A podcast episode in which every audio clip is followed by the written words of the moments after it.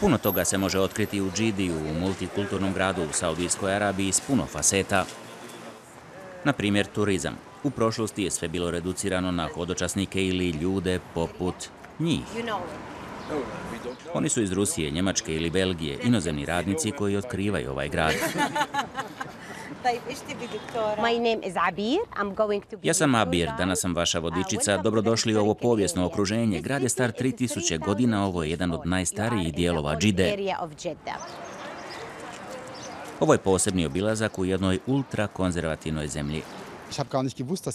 Nisam ni znao da postoje ovakvi äh, obilasci, to se ne objavljuje javno.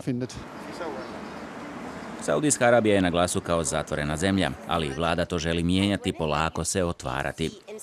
I to u stvari mora napraviti kako bi mogla kontrolirati rastuću stopu nezaposlenosti i državni deficit. Habir se sada nada da će promjene utjecati i na korekciju imidža Saudijske kraljevine u svijetu. Prvo je pitanje uvijek jeste li vi stvarno čistokrvna Saudijka? Da, jesam. I postoji još stotinu žena poput mene. Nadam se da će Zapad s vremenom mijenjati svoje predođbe o našem društvu, paralelno s promjenama u našoj zemlji. Ipak još uvijek nije primjereno da žene rade zajedno s muškarcima, ali to se mijenja. Abir bi uskoro mogla dobiti certifikat i postati prvi ženski vođa puta u zemlji. Kaže da je naišla na puno muškog otpora na svom putu jer muškarci u njoj vide konkurenciju. Obilaza grada završava uz običajenu kavu i datulje.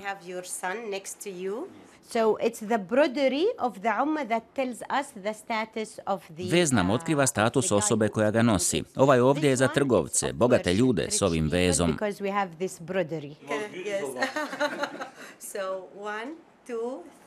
Domaći žitelji su radoznali. Baš kao i turisti. A kako im se sviđa obilazak? Uh, Manje je komercijalno, ovdje otkriješ puno novih stvari, a i ljudi otkriju tebe kao turista. Vlada Saudijske Arabije sad želi početi s izdavanjem turističkih viza. Pitanje je samo hoće li i kako turizam promijeniti ultrakonzervativno saudijsko društvo.